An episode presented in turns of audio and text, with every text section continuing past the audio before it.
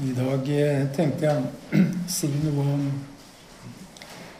det som apostelen Paulus kaller for den eh, vakre skatten. Og det er i 2. Timoteus brev, det første kapittel av det 14. vers, at eh, apostelen eh, sier denne setningen til sin eh, venn og medarbeider Timoteus Og den uh, setningen den syns jeg inneholder så mye at jeg blir helt berørt av det. Ta vare på den vakre skatten som er betrodd ved Den hellige ånd som bor i oss. Der tror jeg at det ligger dybder som vi faktisk ikke er i stand til å lodde. Men eh, det ligger en oppfordring her. ikke sant? Ta vare på den vakre skatten. Som er, det, som er betrodd deg ved Den hellige ånd, som bor i oss. Og denne skatten, det er ikke noe vi behøver å leite etter. Den skatten apostelen sikter til, er ikke noe vi skal finne. Det er, som det står, noe vi skal ta vare på. Han sikter til noe som Jesus har gitt, og som bor i oss. Ta vare på den vakre skatten som er betrodd deg ved Den hellige ånd, som bor i oss. Han sikter til den skatten som Jesus selv har deponert i alle som tror på hans navn. Det han sikter til, det er den ånd de skulle få som trodde på ham. Som det står i Johannes 7, 39. Den ånd de skulle få som trodde på ham. Og skatten er altså Den hellige ånd som bor i oss. Og den er Den skatten er Guds kjærlighet og nåde. Den er Guds kjærlighet som er utøst i våre hjerter ved Den hellige ånd som Han har gitt oss. Det er eh, sterke ord. Guds kjærlighet som er utøst, er utøst i våre hjerter ved Den hellige ånd som Han har gitt oss. Det handler om den kapital som Gud har betrodd oss for at vi skal forvalte den og sette den i opp, omløp. Det er en kapital som Gud har betrodd oss for at den skal bære frukt, at den skal gi avkastning, og at den skal bli satt i omløp. Apostelen oppfordrer Timoteus til å ta vare på den rikdommen som han er betrodd. Og den oppfordringen, den gjelder oss også. Vi er også oppfordra til å ta vare på den rike skatten som er betrodd oss. Og kanskje er det sånn at noen av oss ja, kanskje til og med alle av oss, først og fremst må lære oss å forvalte denne rike skatten i vårt eget liv. Den, den, den vakre skatten som apostelen her taler om, den er jo også for meg. Den er gitt. Den er gitt meg. Den er gitt meg i Jesu navn. Og ingen må være i tvil om at denne skatten som apostelen her taler om, er utøst i mitt hjerte ved Den hellige ånd som han har gitt oss. Det er sånn at denne gaven, denne rike skatten som er gitt oss, den gjør noe med oss. For den virker i oss. Og det den gjør, det er at den åpenbarer for meg at jeg er elsket. At jeg har kjærlighet. Og at jeg kan elske. Vi må simpelthen lære oss å realisere denne skatten som vi er betrodd. Og kanskje først og fremst sette den i omløp i eget liv. For det må jo begynne der. Først og fremst må kjærligheten få husrom og vinne terreng i vårt eget liv. Og det kan være vanskelig fordi det innebærer å bli som et barn. Og det er jo ikke så lett. Men det innebærer å bli som et barn og ta imot vilkårsløs kjærlighet. Apostelen gir også i 1. Korinterne 13 en beskrivelse av hva kjærligheten er. Og der skriver han Kjærligheten er tålmodig. Kjærligheten er velvillig. Den misunner ikke. Den skryter ikke. Den er ikke hovmodig. Kjærligheten krenker ikke, søker ikke sitt eget, er ikke oppfarende og gjemmer ikke på det onde. Den gleder seg ikke over urett, men har sin glede i sannheten. Kjærligheten utholder alt, tror alt, håper alt tåler alt. Kjærligheten tar aldri slutt. Så langt apostelen Paulus i 1. Korinterne 13. Poenget er at denne vakre skatten som her er beskrevet, den, den inneholder et overflod også for meg. Også for mine nederlag også for mine komplekser. Kjærligheten må få livsrom i meg. Den må få bre seg over mitt selvbilde. Så jeg litt etter litt kan komme på det rene med hvordan Gud ser på meg.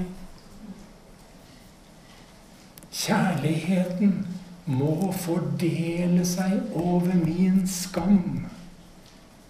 Og over mine mindreverdighetskomplekser. Eller mindreverdighetsfølelse. Kjærligheten må få bre seg i mitt liv som en salveolje. Må den flyte inn i mine sår. Og sakte, sakte lege mitt hjerte. Og derfra, derfra, fra mitt hjerte altså, kan den vakre skatten settes i omløp for de mennesker vi omgås med, og den verden vi lever i. Jesus sa 'fra hans indre'. Fra hans indre, sier Jesus, skal det som Skriften sier, renne elver av levende vann. Dette sa han om den ånden de som trodde på ham, skulle få. Og husk at alle elver begynner som små bekker. Men når det går opp for meg at jeg er elsket, da kan også kjærligheten løsne i meg og gjennom meg. Menigheten må få tro på at hun er mer elsket enn hun har forstått. At hun har mer kjærlighet enn hun har sett. Og at hun eier evnen til å elske mer enn hun har gjort.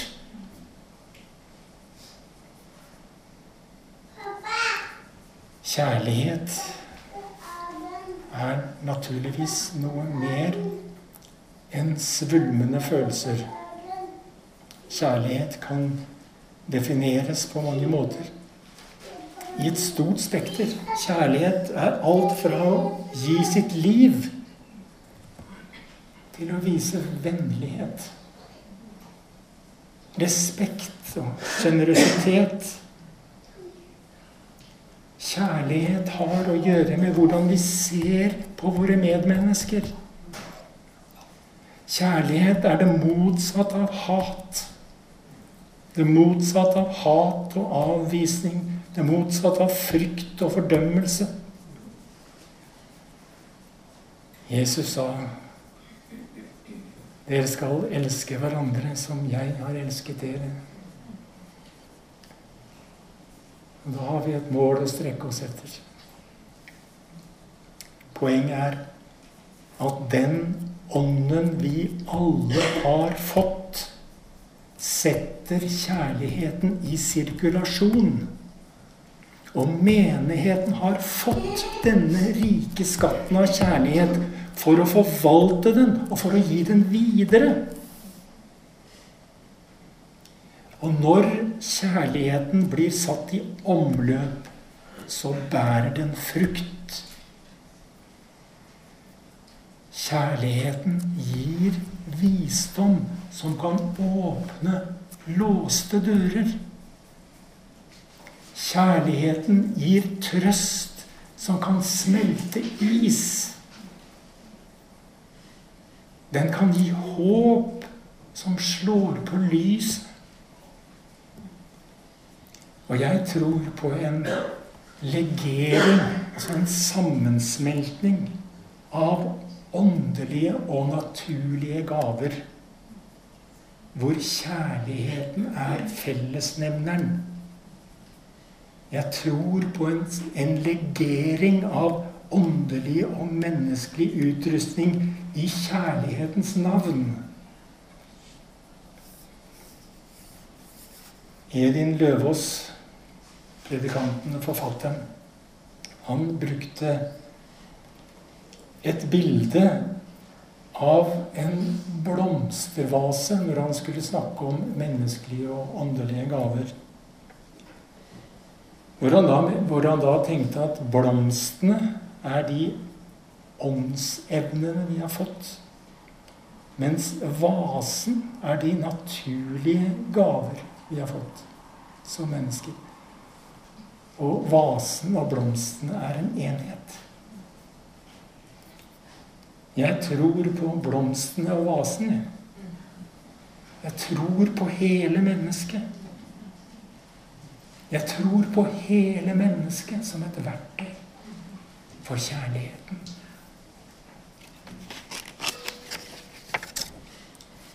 Når apostelen skrev om de åndelige nådegavene, så sa han størst blant dem er kjærligheten.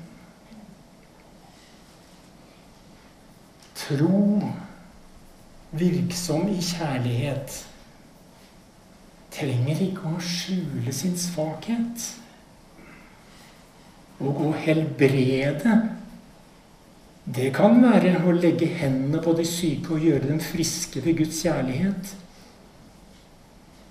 Men det kan også være å legge hendene på noens sorg eller smerte og bære den sammen med dem. Kjærligheten kan hjelpe min bror eller søster til å reise seg. Å gjøre under, det kan være å gjøre vann til vin. Men det kan også være å fylle et behov, å fylle en mangel for noen som er i krise. Profetisk tale, det kan gi uventa innsikt. Men det kan sannelig en dypere selverkjennelse også. Og en bønn om tilgivelse kan flytte fjell. Jeg tror på at kjærligheten spiller orkester. Hvor åndelige nådegaver og menneskelig utrustning spiller sammen. Mens kjærligheten selv er hvelvingen, regnbuen, over både åndelige og menneskelige gaver. Tro uten kjærlighet er bare drønnende malm og klingende bjelle, sier apostelen. Og moral uten kjærlighet er moralisme. Guds ord uten kjærlighet er bud og regler. For en engelsk teologiprofessor som uttalte seg i Vårt Land i uka som gikk. Overskriften var 'Tro er overvurdert, kjærlighet er undervurdert'. Og jeg tror jeg skjønte hva han mente. Å tro bare som tom bekjennelse er jo bare et skall. Men kjærligheten er liv. Evangelisten Johannes han ble veldig gammel. Man mener at han ble over 100, eller at han ble 105 år. Og han levde de fleste av sine år i Efesus. Og der fortelles det at han på sine siste år måtte fraktes på båre til hver gudstjeneste. En eldre og skrøpelig mann. Og Der fortelles det at han bæres fram foran menigheten. Han støttes opp for å tale til menigheten. Han løfter hånden, og alle blir stille. Og Johannes sier Elsk hverandre. Det er alt. Og det samme gjentar seg i gudstjeneste etter gudstjeneste. Johannes blir frakta fram på båre. Han blir støtta opp av noen som hjelper ham. Johannes taler, og alt han sier, er 'elsk hverandre'. Det var essensen av det han hadde sett gjennom et langt liv. Apostelen Paulus skriver til, til sin venn Timoteus La kjærligheten flamme opp på nytt. La den flamme opp på nytt. Det er jo sånn at På den tiden da det her ble skrevet, så oppbevarte man gjerne glør i en beholder i hjemmet. Som de kunne blåse passe på når det trengtes. Og jeg tror at vi lever i en tid der det trenges å bli blåst på de gløra som han har lagt ned i vårt hjerte. Som er oss gitt. Som er en gave gitt oss i Den hellige ånd. Vi må bare blåse på det. Det er bruk for disse gavene. Det er bruk for denne skatten nå. Glem ikke de gavene Gud har gitt deg. Ta vare på den vakre skatten som er betrodd deg ved Den hellige ånd som bor i oss, og som er utøst i våre hjerter ved Den hellige ånd. Og den gaven som Gud har deponert i vår varetekt, tas best vare på gjennom å bli brukt.